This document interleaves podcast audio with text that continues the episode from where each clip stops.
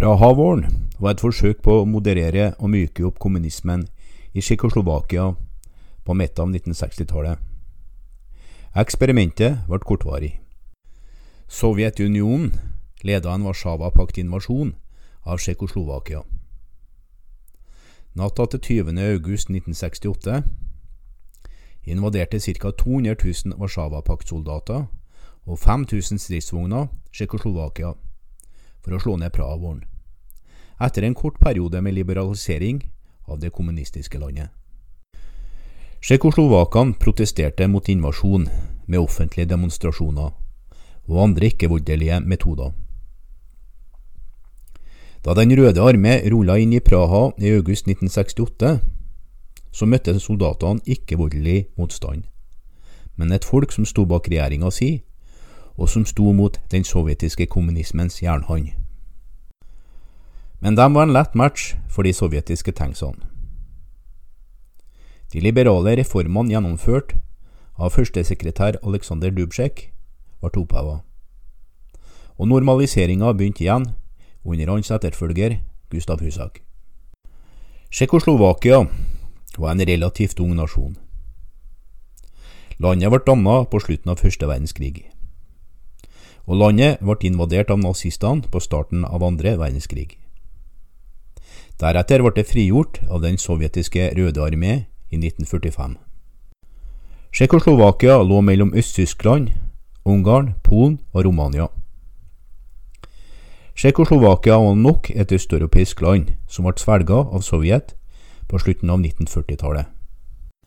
I 1946 tok kommunistpartiet makta i Tsjekkoslovakia etter et valg der de vant 38% av stemmene og 31% av de parlamentariske setene. I løpet av de to årene viste kommunistpolitikken seg å bli upopulær for mange tsjekkoslovakere. Misbruk av politi og væpna styrker, nasjonalisering av industrien, planer om å samle gårder til kollektivbruk og sovjetisk innblanding i tsjekkoslovakisk innenrikspolitikk minska støtten til det lokale kommunistpartiet. Kommunistene forventa å miste makta under valget som var planlagt på midten av 1948. Men dette valget ble aldri avholdt. I 1948, med sovjetiske stridsvogner stående på grensa, grep tsjekkoslovakiske kommunister makta over nasjonen i et blodløst kupp. Sovjets leder Josef Stalin la press på de kommunistiske lederne i landet. Og landet ble drevet som en stalinistisk stat fram til 1964. Som i andre sovjetiske satellittstater var det nye regimet hovedsakelig fokusert på industrialisering. I starten av 1960-årene hadde imidlertid Tsjekkoslovakias nasjonale økonomi begynt å stagnere. Landet var avhengig av matimport, men industrisektoren klarte ikke å matche dette med eksporten. For vanlige tsjekkoslovakere ble levestandarden raskt forverra. Mat- og forbruksvarer var begge vanskelige å få tak i og veldig dyr. Intellektuelle kritiserte den sentraliserte økonomiske planlegginga av den kommunistiske regjeringa. Bemerkelsesverdig for en østblokkstat. Så begynte regjeringa å lytte. En gradvis liberalisering starta. I 1965 godtok regjeringa i Praha en pakke med foreslåtte reformer, som ble kalt den nye økonomiske modellen. Her er forslaget anbefalt innføring av kapitalistiske trekk, som fjerning av pris og lønnskontroll. Fabrikksjefer og byråkrater skulle gis større frihet til å ta beslutninger, slik at de kunne ta beslutninger etter ressurstilgjengelighet og markedets behov. Førstesekretær Antonin Novotnys problemer ble forverret av motstand fra slovakiske ledere, blant dem Aleksandr Dubsjek og Gustav Husak. De beskyldte regjeringa for å være dominert av tsjekkere. I Tsjekkoslovakia ble Aleksandr Dubsjek valgt til førstesekretær for landets kommunistparti foran stalinisten Antonin Novotny. I januar 1968 ble Novotny erstatta som førstesekretær av Aleksandr Dubček. Han ble enstemmig valgt inn av den tsjekkoslovakiske sentralkomiteen. For å sikre sin maktbase appellerte Dubček til publikum om støtte for sine foreslåtte reformer. Det ble øyeblikkelig tydelig at Dubček ønska en større endring av Tsjekkoslovakias politiske og økonomiske system. Han kalte sin spesielle ideologi for sosialisme med et menneskelig ansikt. Responsen var overveldende, og tsjekkiske og slovakiske reformatorer overtok ledelsen av landet. Den tsjekkoslovakiske sosialismen skulle være grunnleggende demokratisk, tolerant for debatt og forskjellige meninger. Individuelle rettigheter og friheter, som ytringsfrihet og muligheten til å reise utenlands, ville være beskytta av loven. I april lanserte den nye ledelsen sitt handlingsprogram, som lova demokratiske valg, større sjølstyre for Slovakia, ytringsfrihet og religionsfrihet, avskaffelse av sensur, slutt på reiserestriksjoner og store industri- og landbruksreformer. Han ba om mer politisk frihet, inkludert mer deltakelse fra ikke-kommunistiske partier i den tsjekkoslovakiske nasjonalforsamlinga.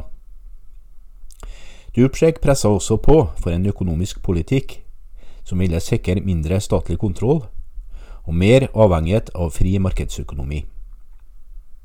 Til slutt insisterte han på å få større frihet fra sovjetisk herredømme, sjøl om han gjentok at Tsjekkoslovakia støtta Warszawapakten. Dubček erklærte at han tilbød tsjekkoslovakerne sosialisme med et menneskelig ansikt. Det tsjekkoslovakiske publikummet hilste reformene med glede, og Tsjekkoslovakias kultur begynte igjen å blomstre under det som ble kjent som Praha-våren. I slutten av juni ble det publisert et skrift som ble kalt 2000 ord, og det ba om en enda raskere framdrift mot demokrati. Sovjetunionen og kommunistlandene Polen og Øst-Tyskland ble skremt over hva som syntes å være et nært forestående kollaps av kommunismen i Tsjekkoslovakia. Gjennom sommeren av våren 1968 foregikk det forhandlinger mellom Dubček og representanter fra Russland og andre østblokknasjoner i et forsøk på å få den tsjekkoslovakiske lederen til å løsne opp på reformene. Det sovjetiske politbyrået avholdt møter 15. til 17. august for å diskutere situasjonen i Tsjekkoslovakia. Den sovjetiske lederen Leonid Brezjnev advarte Dubsjek om å stanse reformene, men den tsjekkoslovakiske lederen gleda seg over populariteten sin, og avfeide de tilslørte truslene fra den russiske lederen. Den siste dagen ga politbyrået ut en uttalelse om at alle politiske hjelpemidler var brukt opp og at den tsjekkoslovakiske regjeringa ikke var i stand til å stå imot vestlig påvirkning. Politbyråets uttalelse var et ultimatum for Praha. De måtte avvikle reformene sine eller bli okkupert. Den tsjekkoslovakiske regjeringa ignorerte ultimatumet, noe som førte til et møte med Warszawapaktlandene.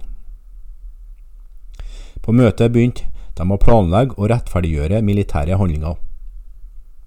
Møtet i Warszawapakten erklærte Tsjekkoslovakia som en useriøs stat, og godkjente en invasjon. Dubsjek ville ikke delta på et spesielt møte med Warszawapakten i juli.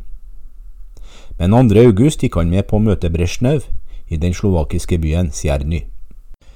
Natta til 20. august invaderte nesten 200 000 sovjetiske, østtyske, polske, ungarske og bulgarske soldater Tsjekkoslovakia, i den største bruken av militærmakt i Europa siden slutten av andre verdenskrig.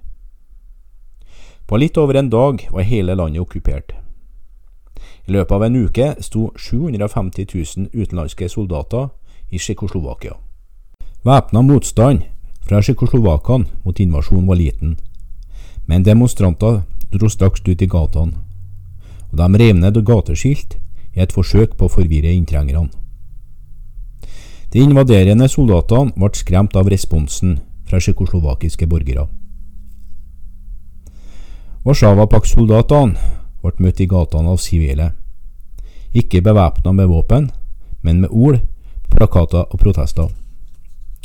Folk samla seg i hovedgatene, utenfor offentlige bygninger, og blokkerte veier og trakasserte Warszawa-paktsoldatene. Plakater og graffiti ble satt opp på vegger over hele byen. Regjeringa i Praha, ledet av Aleksandr Dubsjek, bestemte seg for å ikke bekjempe invasjonen. Så tsjekkoslovakiske styrker ble beordra til å bli stående i sine brakker. Fraværet av militær motstand overraska de invaderende Warszawa-paktsoldatene, som hadde forventa sterk motstand. I Praha tok Warszawapakt-troppene kontrollen over TV- og radiostasjoner. En gruppe demonstranter stengte seg inn i Prahas viktigste radiostasjon og sendte nyhetssendinger derfra. Mer enn 100 000 mennesker fylte gatene utenfor radiostasjonen i et forsøk på å beskytte dem mot tropper som ble sendt for å stenge den. På Radio Praha nekta journalistene å gi fra seg stasjonen. Rundt 20 mennesker ble drept før den ble erobra. Andre radiostasjoner gikk under jorda og lyktes med å kringkaste i flere dager før stasjonene ble oppdaga. Medlemmer av den tsjekkoslovakiske regjeringa ble lokalisert og arrestert. Dubček og andre regjeringsledere ble arrestert og sendt til Moskva.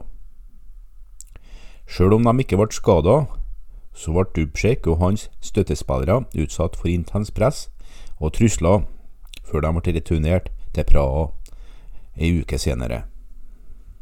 I mellomtida fortsatte omfattende demonstrasjoner ute på gatene, og mer enn 100 demonstranter ble skutt i hjel av soldater fra Warszawapakten. Europas ikke-sovjetiske kommunister fordømte invasjon av Tsjekkoslovakia som imperialisme. Mange utenlandske nasjoner, inkludert Kina, Jugoslavia og Romania, fordømte invasjonen. Men ingen store internasjonale tiltak ble iverksatt. Den sovjetiske invasjonen i august 1968 sjokkerte Vesten. I FN støtta flere medlemsland en resolusjon som fordømte den sovjetiske intervensjonen, sjøl om den ikke ble vedtatt pga. Sovjetunionens veto. Ikke siden 1956, da sovjetiske tropper gikk inn i Ungarn, hadde den russiske regjeringa brukt så stor makt på å få en av sine kommunistiske allierte til å følge sin egen politikk. Den tsjekkiske invasjonen var spesielt skadelig for forholdet USA-Sovjet. I juni 1967 møtte president Lyndon B. Johnson den sovjetiske statsminister Aleksej Kosygin for å starte diskusjoner knytta til en rekke spørsmål, inkludert våpenkontroll. De ble enige om at Johnson skulle besøke Sovjetunionen i oktober 1968 for å fortsette samtalene. Den sovjetiske invasjonen i Tsjekkoslovakia fikk Johnson til å kansellere besøket sitt. Den amerikanske reaksjonen var relativt mild, hovedsakelig fordi USA var opptatt av Vietnamkrigen. Demonstrasjonene ble knust, og tusenvis av tsjekkoslovaker flykta fra landet. Mye av Tsjekkoslovakias elite flykta til Vesten. 27.8 kom Aleksandr Dubsjek tilbake til Praha, og kunngjorde i en følelsesladet tale at han hadde sagt ja til å begrense reformene. Rettroende kommunister inntok viktige posisjoner i regjeringa hans, og Dubsjek ble gradvis tvunget til å avskjedige sine støttespillere i regjeringa. Dubsjek ble stadig mer isolert fra både offentligheten og regjeringa.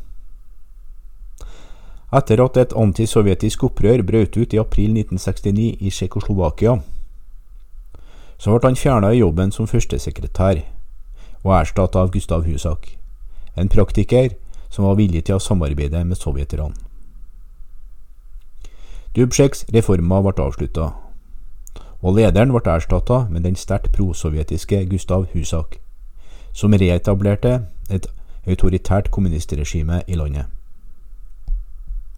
Mellom 1969 og 1971 innleda Husaks regime det man kalte normalisering.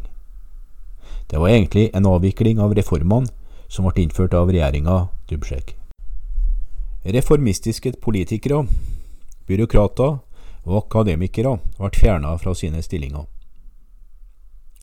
Sterkere politimakt og sensur ble innført på nytt. Økonomiske kontroller ble gjenoppretta. Husak satt ved makta i Tsjekkoslovakia til slutten av den kalde krigen. Dubček ble senere utvist fra kommunistpartiet, og fikk arbeid som skogvokter med base i Bratislava. I desember 1989 gikk Gustav Husaks regjering med på krav om å innføre et parlamentarisk parlament. Husak trakk seg, og for første gang på nesten to tiår kom Dubček tilbake til politikken som formann for det nye parlamentet. Det tsjekkiske parlamentet valgte deretter dramatiker og tidligere dissident Vaklav Havel som president i Tsjekkoslovakia. Havel hadde blitt berømt under Praha-våren, og etter det tsjekkoslovakiske sammenbruddet ble skuespillene hans forbudt og passet hans inndratt.